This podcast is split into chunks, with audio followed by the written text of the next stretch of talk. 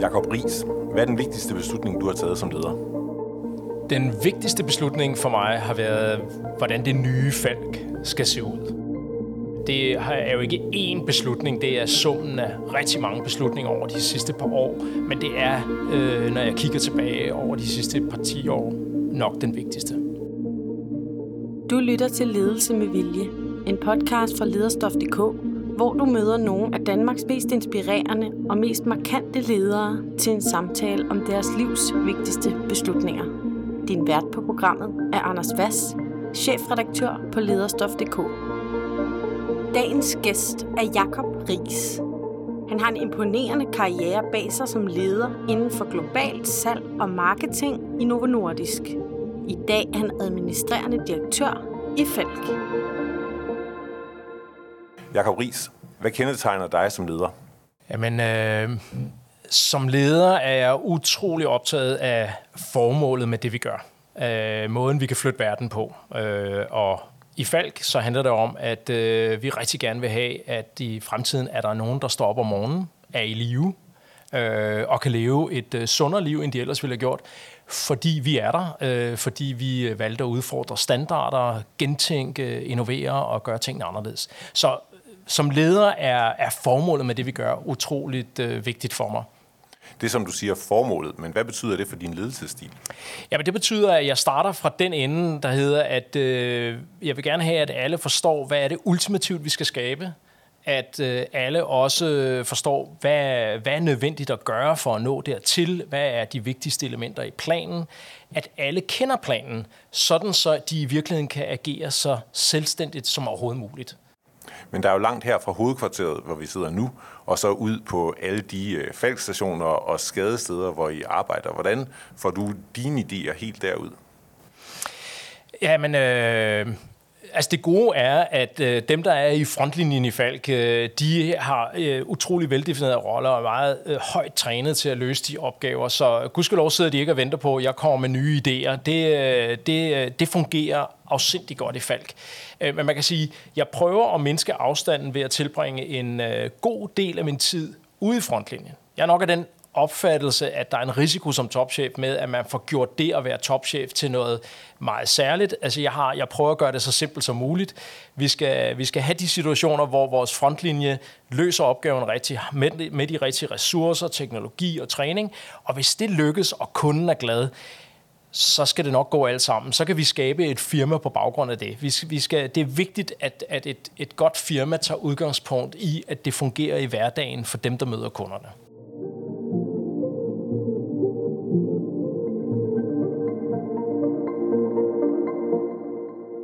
Det her det er jo ledelse med vilje, så vi taler om de største beslutninger i din karriere, og du har selv været med til at udvikle, eller udvælge en, øh, en række af dem. Den, øh, den første er, mens du stadigvæk er i Novo Nordisk, hvor du har tilbragt det største af din, øh, din karriere, og du har egentlig opnået øh, det i 2001 en, øh, en, en ret flot position i hovedkvarteret i, øh, i Bagsager, men så tager du en beslutning. Kan du fortælle om den?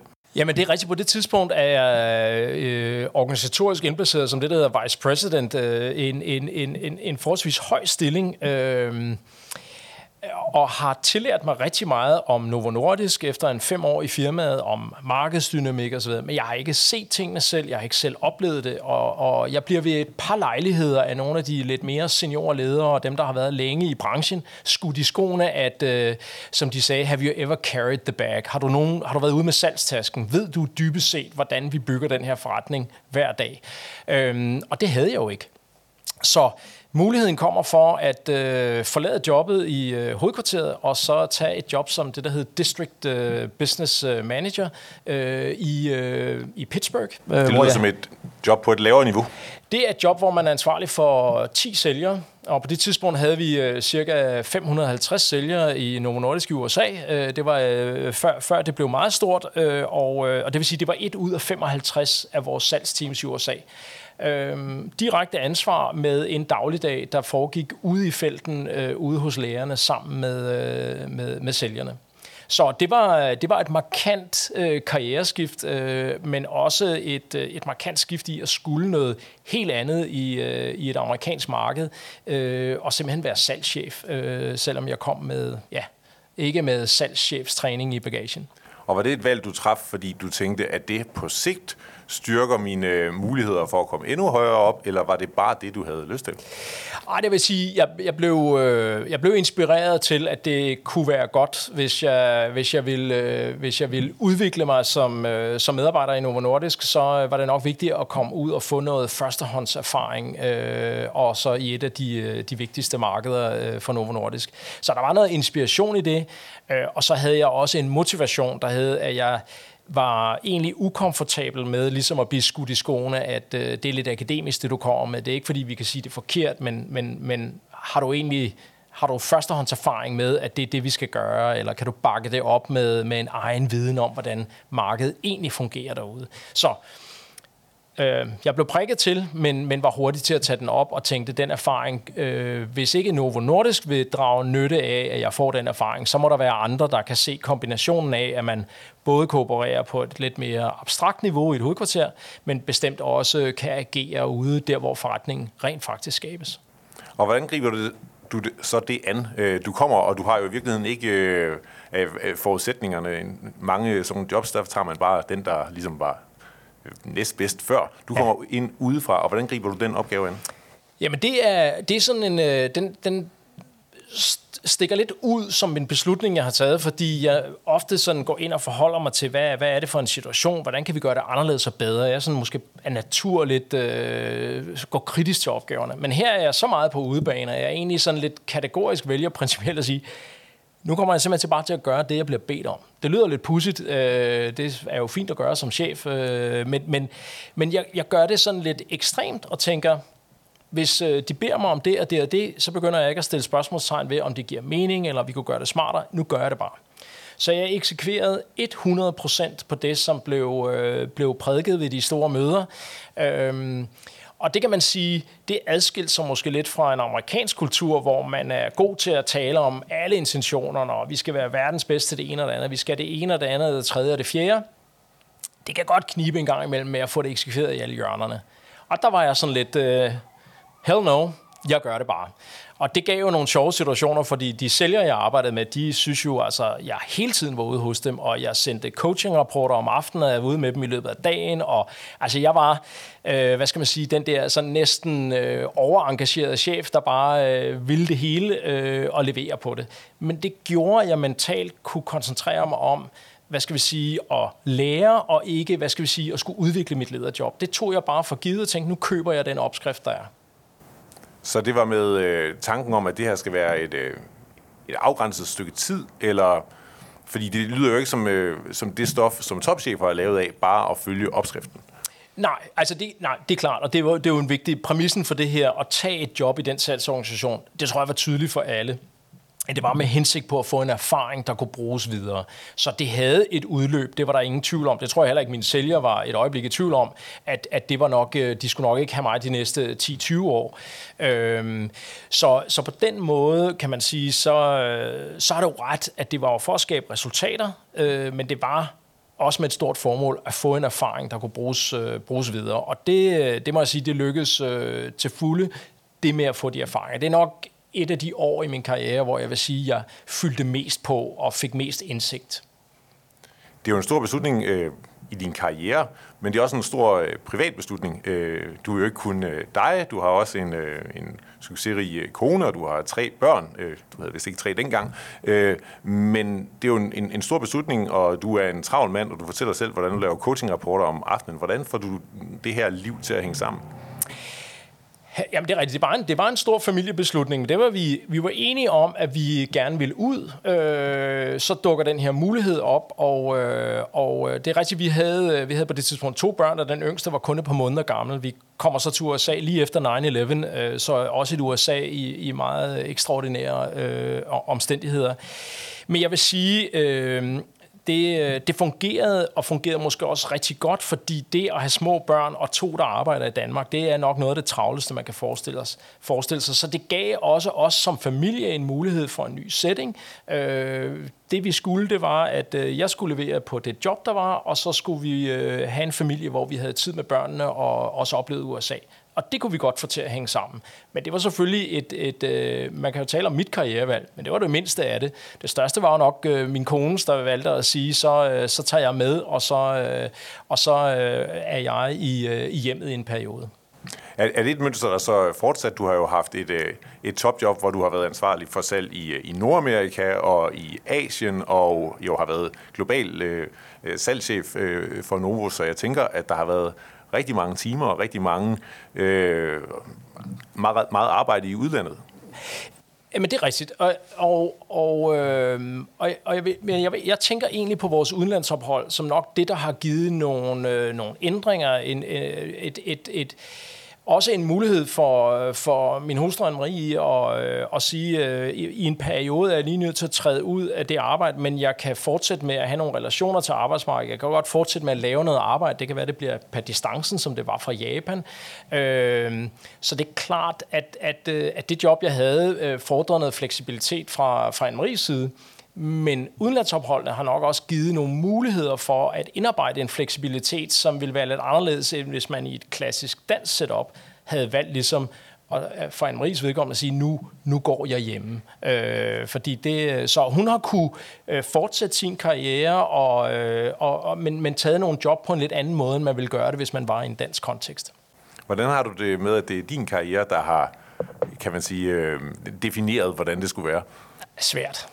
Altså, det er, jamen det, jeg har det jo med det, ligesom øh, når jeg sidder i en bestyrelse og, en dansk mand i 50'erne. Det, det er jo, altså, vi er jo overrepræsenteret. Øh, så, så, så på den måde har det, er det jo desværre, kan man sige, lidt et klassisk mønster. Jeg vil da elske en fantastisk historie om, at det, øh, det var en Marie, der havde, der havde bestemt det. Vi, vi har taget beslutningerne sammen, men det er fuldstændig rigtigt, at, de, øh, at, at øh, jobbene rundt øh, med Novo Nordisk øh, var jo mine job, øh, men vi var fælles om at ville den rejse rundt i verden øh, og med Novo Nordisk. Så jeg synes, vi har taget beslutningerne sammen.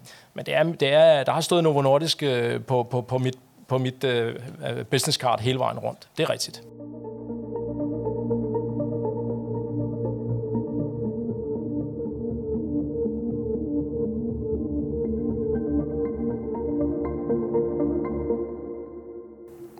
Bliver i øh, Novo Nordisk, og en af de øh, andre rigtig store beslutninger, du har været med til som, øh, som leder, det er, øh, da Novo Nordisk lancerer øh, det, der nu er det mest øh, solgte øh, produkt. Øh, det får du ansvaret for at lancere øh, ja. globalt.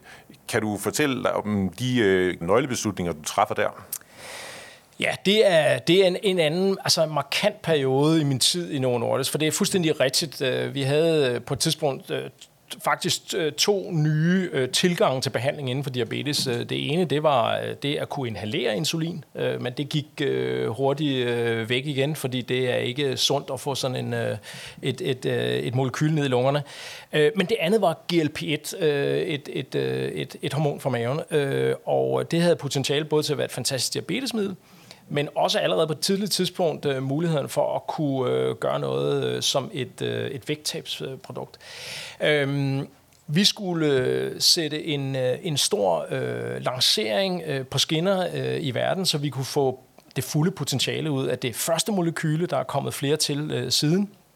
Øhm, og en, en lancering globalt med den usikkerhed af alt det, altså man kan sige, det er, det er det, det skal fungere. For et produkts succes på et verdensmarked afhænger i virkeligheden af, hvor, hvor, hvor godt produktet klarer sig de første seks måneder. Og så kan man sige, hvordan det klarer sig de første seks måneder, det afhænger af, hvordan det går den første måned. Og den første måned, den er jo bestemt af, hvordan du kommer øh, ud af, ud af, hen over målstregen, eller hvad hedder det, øh, start, øh, startlinjen, øh, nærmest i de første dage og uger. Så det er en kompliceret øvelse, hvor alt skal passe sammen. Øh, og det skal det på et tidspunkt, du ikke kender, for du ved ikke, hvornår du får godkendelsen. Så præmissen for hele det her, det var et, et meget stort projekt, som involverede øh, mange, mange, mange hundrede medarbejdere på tværs af hele organisationen i Novo Nordisk. Og fordi alle kendte betydningen af det her, så øh, var vi også øh, involveret med rigtig mange konsulenter på nogle af hovedmarkederne, men også centralt konsulenter, ledelsesmæssige konsulenter, som vil hjælpe os med at få styr på alle delelementerne i, øh, i sådan en lancering.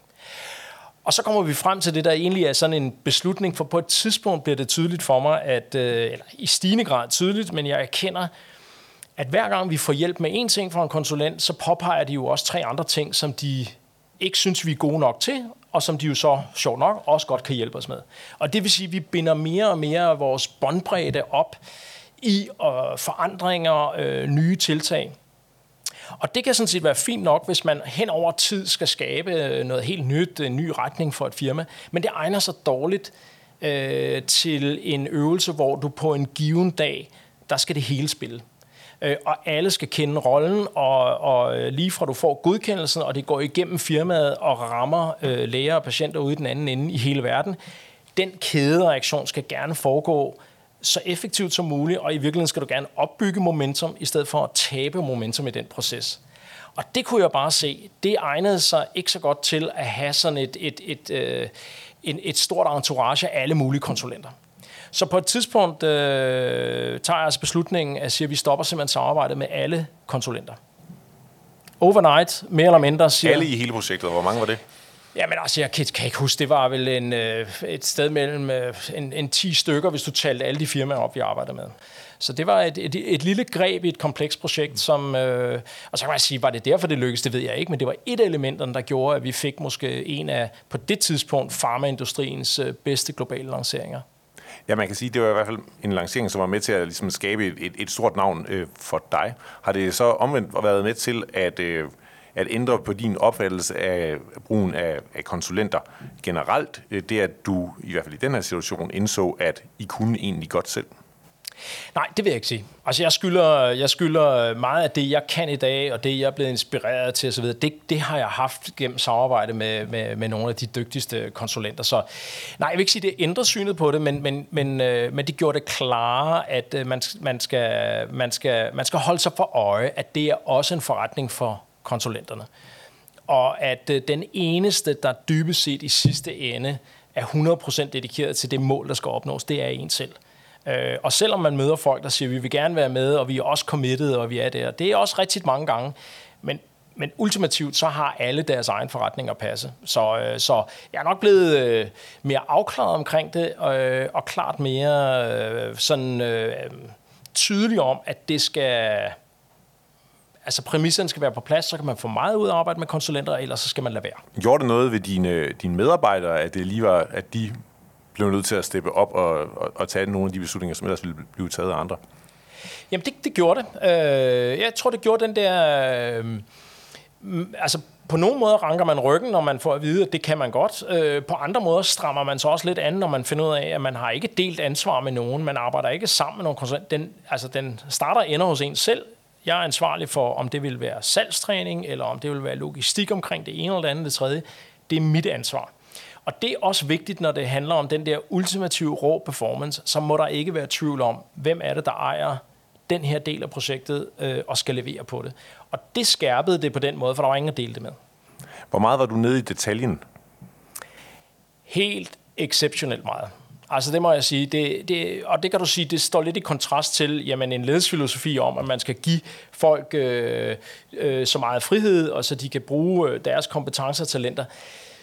Men det er sådan lige præcis for den øvelse, at, at øh, om en formulering ændrer sig lidt i en indlægsseddel, har betydning for, hvilke claims du kan gå på markedet med, som har betydning for, hvordan du sælger det, som har betydning for volumenerne, du skal bede produktionen om at stå klar med. Så man er nødt til som sådan projektchef der at være nede i detaljen jeg vil også gerne have, at øh, vi, vi kørte det meget disciplineret, så der var ikke et stykke salgsmateriale noget sted i verden, som gik ud mod kunderne, uden at jeg havde signet af på det. Så man kan sige, på den måde vil nogen sige, altså micromanagement, øh, men, men for mig var det et spørgsmål om mere at sige, jamen vi har kun et skud, og jeg er nødt til at sikre, det, at vi er konsistente. Øh, til gengæld hvordan øh, dele, øh, dele af projektet blev løst og sådan noget, der lyttede jeg. Det var ikke, øh, jeg gav ikke anvisninger. Jeg ville bare gerne vide, hvad der foregik. Og jeg skulle forstå, hvis der var truppet valg, så må de komme, hvis de var i tvivl. Hvis de ikke var i tvivl, præklinisk, øh, logistisk eller et eller andet, så gjorde de jo selvfølgelig bare det. Så de kendte retningen, de kendte formålet, de vidste, hvad der skulle ske på dagen, vi lancerede, og så skulle de bringe deres talenter i spil for at sikre, at det skete. Men jeg kendte alle detaljerne. Det var i, igen en stor succes, og det var med til at øh, skabe i hvert fald i offentlighed et, et, øh, et billede af dig som en, øh, en kronprins i, i Novo Nordisk, øh, og øh, dengang det var tid til at få en, øh, en ny øh, topdirektør i øh, Novo Nordisk, så blev det så ikke dig. Du fik i stedet for ansvaret for hele det amerikanske marked, et meget vigtigt øh, job, og øh, startede også der, men efter et halvt år, så sker der jo det, som øh, man kan sige, det er jo en, en karrierebeslutning for dig, men du vælger at sige, jeg har, øh, har du i hvert fald forklaret i en række interviews, jeg har, jeg har simpelthen brug for at være den, der bestemmer det hele, og så blev du øh, administrerende direktør her i Falk, hvor du har været de ja. sidste fire år. Gider du ikke at tage os igennem, hvad det var for nogle tanker, du gjorde dig omkring det, og hvad det er, der gør dig til en type, som træffer den beslutning at sige, jeg vil simpelthen bestemme det hele nu? Ej, har jeg sagt, at jeg vil bestemme det hele? Ej, jo, det, sådan kan man vel godt udlægge det. Men, men altså, det, det er rigtigt, øh, at der var... Øh, det, det, altså, man kan sige, fakta var, at det var tydeligt, at på et tidspunkt skulle Lars Reben ikke være CEO længere. Øh, jeg tror, udadtil blev der puttet øh, alle mulige prædikater på, på, på nogle af os. Indadtil var det jo ikke sådan, det foregik. Men jeg var selvfølgelig forberedt på, at, at hvis det skulle ske, hvad ville jeg så gøre? Altså det, for det er jo et kæmpe ansvar, øh, og derfor brugte jeg en del tid på at øh, overveje, hvordan vil, hvad, hvad, hvor, hvor, hvad vil jeg gøre i den situation, hvad vil mine prioriteter være, hvad vil min plan være. Og i løbet af den periode, øh, kan man sige, øh, blev jeg meget betaget af det af at sidde med det overordnede ansvar, hvor det går helt fra kulturen, den overordnede strategi, øh, forskningsstrategi osv. Så, så hele det med at have hele paletten, øh, synes jeg var utrolig attraktivt. Øh, og da det, da, det, da det ikke bliver mig, og jeg skal øh, og, og, og få ansvaret for det nordamerikanske marked, så er jeg helt overbevist øh, om på det tidspunkt, at øh, det er fint nok. Øh, det kunne jeg sagtens se og være super motiveret for. Øh, og jeg kaster mig ind i den opgave, og det er også en af de bedste perioder, jeg har haft i mit liv. Det var hårdt, det var, vi var i nogle problemer i USA på det tidspunkt, men jeg synes, det var fantastisk. Øh, og kan man sige, lige pludselig, der går sådan en halv års tid, lige pludselig mangler der noget. Og, og, øh, og det kan man ignorere i en periode, men, men, men, men det bliver bare tydeligt.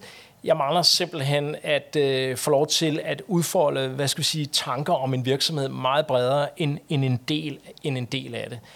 Og, og det bliver klart for mig. Jeg kan simpelthen ikke, øh, jeg kan ikke pakke det ned og gemme det væk. Det er der bare. Øh, og jeg er nået øh, sådan lige ind i 50'erne på det tidspunkt.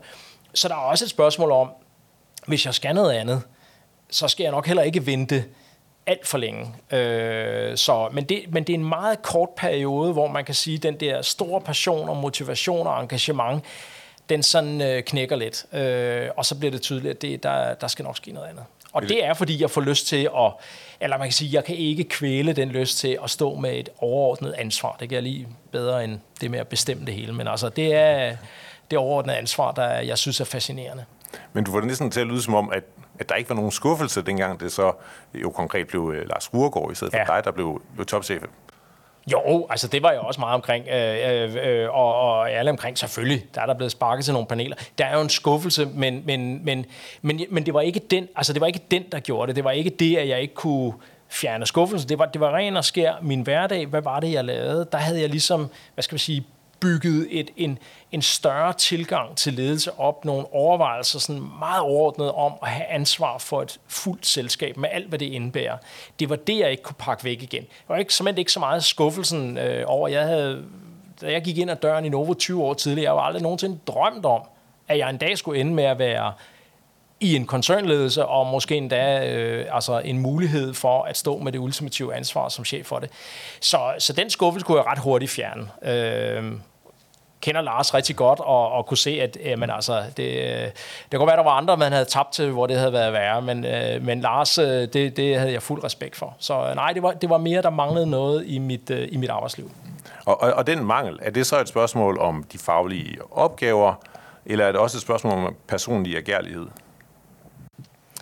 Og det er nok meget svært at, at adskille. Jeg, jeg, jeg tror, der... Altså, det er jo nemt at sige, nej, men det er, det, er, det er det med at få lov til at arbejde med helheden og kompleksiteten i det, og få lov til at tage det fulde ansvar for et firma. Men, men jeg tror, du har ret i, der ligger selvfølgelig også noget, der hedder, at der var jo dele af driften af Novo Nordisk og de beslutninger, som jeg ikke var en del af, og dem synes jeg, det kunne være spændende at være en del af, og også have det ultimative ansvar for. Så jeg tror, det er svært at adskille helt, at, at det nok også handler om at, at have indflydelsen, altså ultimativt, som man så har som, som, som øverste chef. Indflydelsen, men jo også, kan man sige, øh, prestigen. Hvor meget betyder den for dig? Jamen, den, den, øh, altså, den, den betyder meget. Altså, jeg tror, jeg tror man foregøjler folk noget, hvis man ikke siger, at det betyder noget at blive associeret med noget, der virker, noget, der flytter verden i en stor skala, og noget, der er en succes. Altså, det er forretningsmæssigt, er det, at, øh, kan jeg jo ikke sige, det, det, det er jo også noget, jeg, det er også noget, jeg arbejder meget med løbende, fordi risikoen er jo, når man også sidder i en topstilling, hvor man fortæller om selskabet, så man skal virkelig passe på, at man ikke begynder at male sig op i et hjørne, hvor man begynder at opfinde en stigende succeshistorie, fordi man kan lide at høre den selv, og så begynder der at komme en diskrepans imellem, hvor selskabet er, og hvor man har fortalt omverdenen, at øh, hvor godt det kører. Så det er jeg meget opmærksom på at holde de to ting sammen, og det er jeg jo meget opmærksom på, fordi man alt andet lige vil have en tendens til at udlægge tingene lidt positivt, fordi jeg tror, at de fleste af os kan lide at være associeret med, at vi har gjort noget rigtig godt. Jeg tænker også, sådan helt personligt, når du, øh, du møder nogen øh, nede på havnen eller til en familiefest i Jylland, hvor meget betyder det så for dig, at du har det job, øh, som du har? Hvor meget er det med til at øh, definere dig? Det, det vil jeg så til gengæld sige meget lidt. Øh, fordi øh, jeg, jeg synes, en af de ting, der gør, at jeg også øh, holder meget af at, øh, at bo og leve i et land som Danmark, det er, at, at de ting fylder ikke så meget. Øh, øh, og, og jeg holder alle de her kontakter i dagligdagen. Det var, det var noget af det, jeg slogs lidt med i USA. Der kommer meget hurtigt en meget stor distance. Der er, altså, der er dem, der er velhavende, og der er dem, der stort set ingenting har, eller slet ingenting har.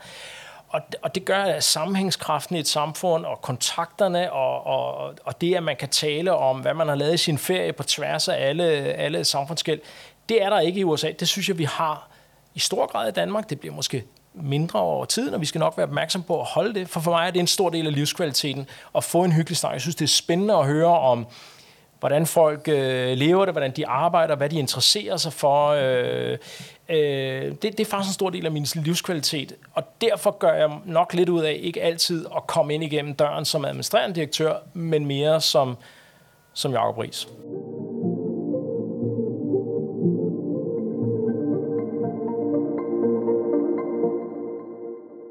Her i øh, Ledelse med Vilje, der øh, beder vi altid vores hovedpersoner om at tage en genstand med, som siger noget om dem som, øh, som leder og som person.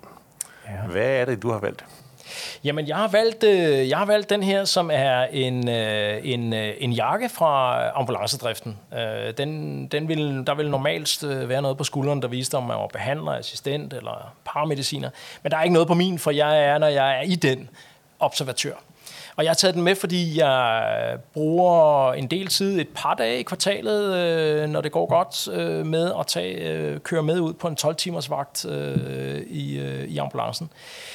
Øh, og gør det også andre steder i driften. Øh, men men øh, og det gør jeg simpelthen, fordi øh, jeg synes, det er vigtigt at blive, altså for mig at forstå, øh, hvordan vi leverer vores ydelser, øh, hvordan vi skal udvikle os som selskab for øh, at øh, kunne levere mere værdi til vores kunder, men også hvordan vi skal udvikle os som arbejdsplads for at blive bedre. Og det giver øh, de dage, jeg har øh, i, i driften, øh, de giver mig øh, den indsigt. Og så kan man sige, nu har jeg været der en del gange, er jeg ikke færdig med at lære? Nej, fordi jeg kommer jo også ind med nye tanker. Jeg har endnu mere i bagagen, øh, som tiden går. Så jeg har taget den jakke med, fordi jeg synes, det er... Øh, måske er karakteristisk, at jeg gerne vil prøve at forsimple det at være topchef, som jeg siger, til ikke at være øh, kun meget avancerede øvelser om finansiering og store øh, overordnede strategiske planer, men egentlig også, at der er nærhed til, fungerer det, vi laver i hverdagen for vores medarbejdere og for vores kunder. Og som jeg siger, hvis det gør det, og det gør det rigtig godt, så er resten sådan set at tælle pengene og få tingene øh, håndteret nogenlunde og finde ud af, om man skal gå ind i et ekstra land eller ikke. Altså, så jeg vil gerne prøve at gøre, afdramatisere øh, de ting, og så gøre dem drevet af, at, øh, at det er med en direkte viden i, at vi forstår alle sammen, hvad det er, vi ultimativt laver. Kan du nævne nogle, nogle indsigter, eller, eller noget, du har fået konkret ud af at være ude i, ja, her kan man jo faktisk tale om frontlinjen, Uh, altså, der, ja. Øh, Masser. Altså, det kan være på, det kan være på en medarbejderside, hvor øh, at høre om, hvad, hvad, er det, man, hvad er det, man tænker, når man arbejder for eksempel som, øh, i, i, i ambulancetjenesten, omkring det at være at arbejde med det her job rigtig længe. Hvad er det for en fleksibilitet, man godt kunne tænke sig, så man kan måske skifte jobindhold over tid. Måske har man mindre børn, måske har man nogle fysiske vanker i en periode, man, man skal komme over. Så det, hvordan vi kan udvikle os som arbejdsplads, øh, øh, er der mere fleksibilitet, vi kan lægge ind i det. Over for kunderne, hvad er det, der sker, når vi afleverer en patient øh, på hospitalet? Hvor lang tid bruger vi på det? Hvad er det for oplysninger, jeg skulle ind? Kunne vi tage noget af det tidligere? Altså, det er næsten endeløst, hvad jeg registrerer og tager med mig ind omkring, øh, hvordan skal vi tænke og udvikle sådan en service. Men nu det er jo så kun, altså nu taler vi lige ambulance, det kunne bestemt også være samtaler med, øh, med, med andre chefer, som har stor øh, organisation af videnmedarbejdere. Vi laver en masse inden for medarbejdersundhed. Hvad er det, der presser dem i øjeblikket? Hvordan kan, kan vi hjælpe dem med at adressere deres øh, sundhedsudfordringer på en bedre måde, så de får øh, medarbejdere, der bliver mindre stressramt, der har mindre sygefravær osv. Så, øh, så jeg vil næsten sige, altså det er, der er observationer for hver time, jeg tilbringer enten ude hos kunder eller ude, ude i driften. Er det noget, du gør her i, i, i Danmark, hvor, hvor Falk selvfølgelig er, har hovedkvarter og er stort, men I er jo over i rigtig stor del af verden. Rejser ja. du så også til Langbordistan og tager en uh, tur på ambulancen, eller hvordan? Ja, men det, øh, det gør jeg. Altså, det vil sige, øh, prøver at indarbejde, at når, øh, når vi er ude, og det er jo ikke kun mig, det er som ledelse, eller også når vi har bestyrelsen med ude, så prøver vi som en fast element at lægge ind, at man er, man er ude og se driften, og ude at møde kollegerne og høre, hvad de har at sige. Så ja, det er, det er i hele verden. Men det har, har endt med at have sådan et, lidt, lidt øh, en, en tyngde i, hvor jeg gør en, en øh, det er nemmere for mig at indarbejde i Danmark. Det er klart, for det, der kan jeg tage en hel dag, men jeg er stadigvæk, øh, jeg kan være på arbejde øh, dagen før, og jeg kan måske kombinere det med, at jeg skal noget andet dagen efter. Så det er lidt, har lidt færre omkostninger at gøre det i Danmark, så det har nok lidt, øh, lidt slagside til den side, men jeg, men jeg gør det også, når jeg er ude.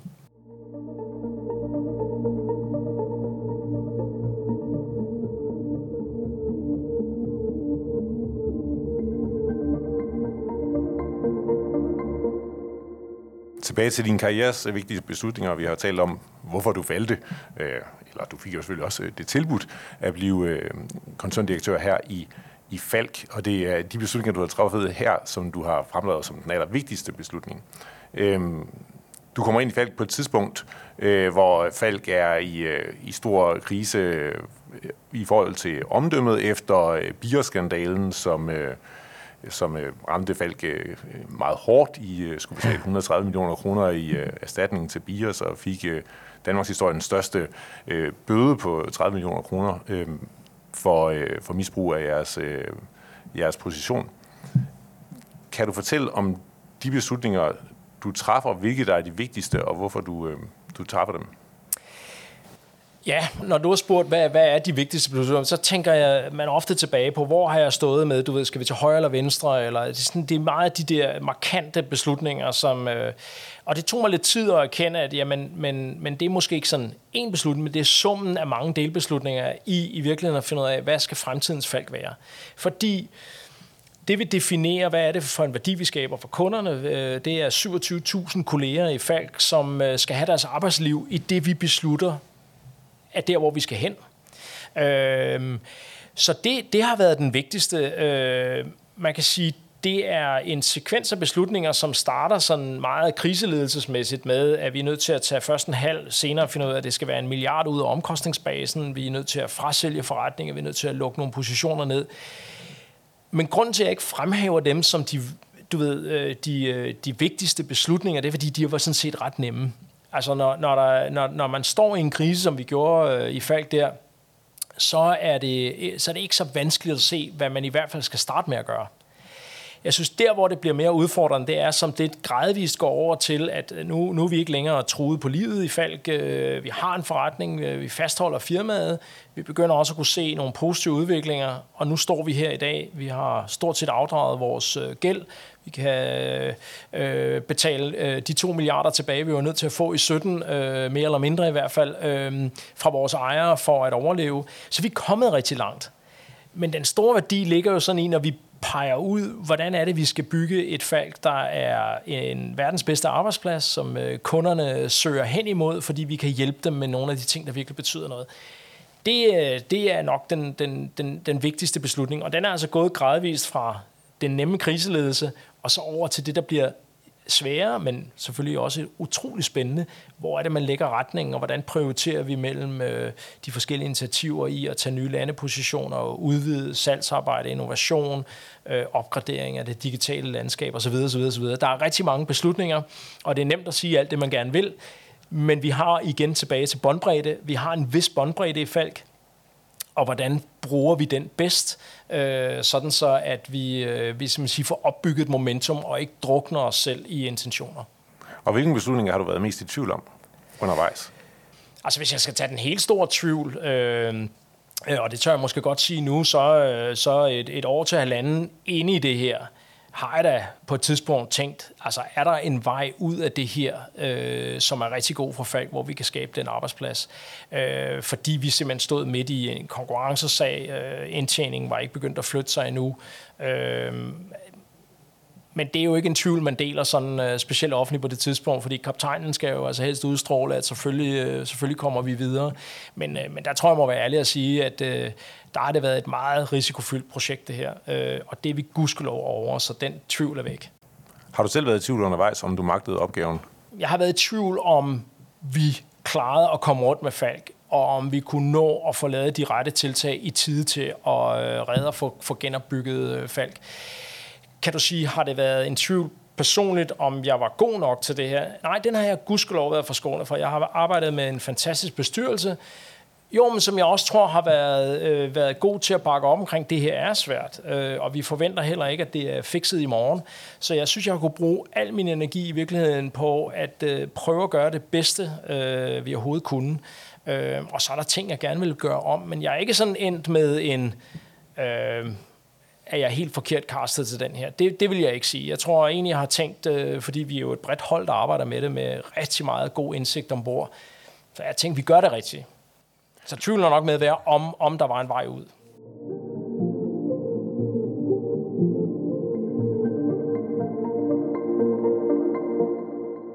Her i Ledelse med Vilje slutter vi altid af med at spørge til fremtidens vigtige beslutninger. Hvilke beslutninger er det, du står overfor? Det vigtigste, jeg har fokuseret på nu, det er faktisk at finde en, øh, en plan for de næste par år, der er opnåelig, der er motiverende for medarbejdere, de kan se målet, uden at vi, øh, uden at vi overbebyrder os selv. Og hvad med dine egne karriereplaner?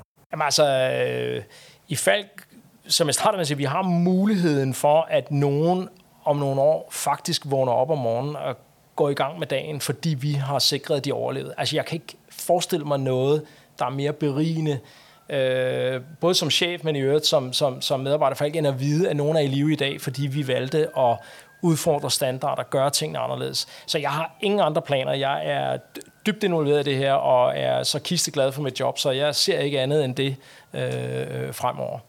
Jakob Ries, tak for det, og tak fordi du vil være med i Ledelse med Vilje. Selv tak.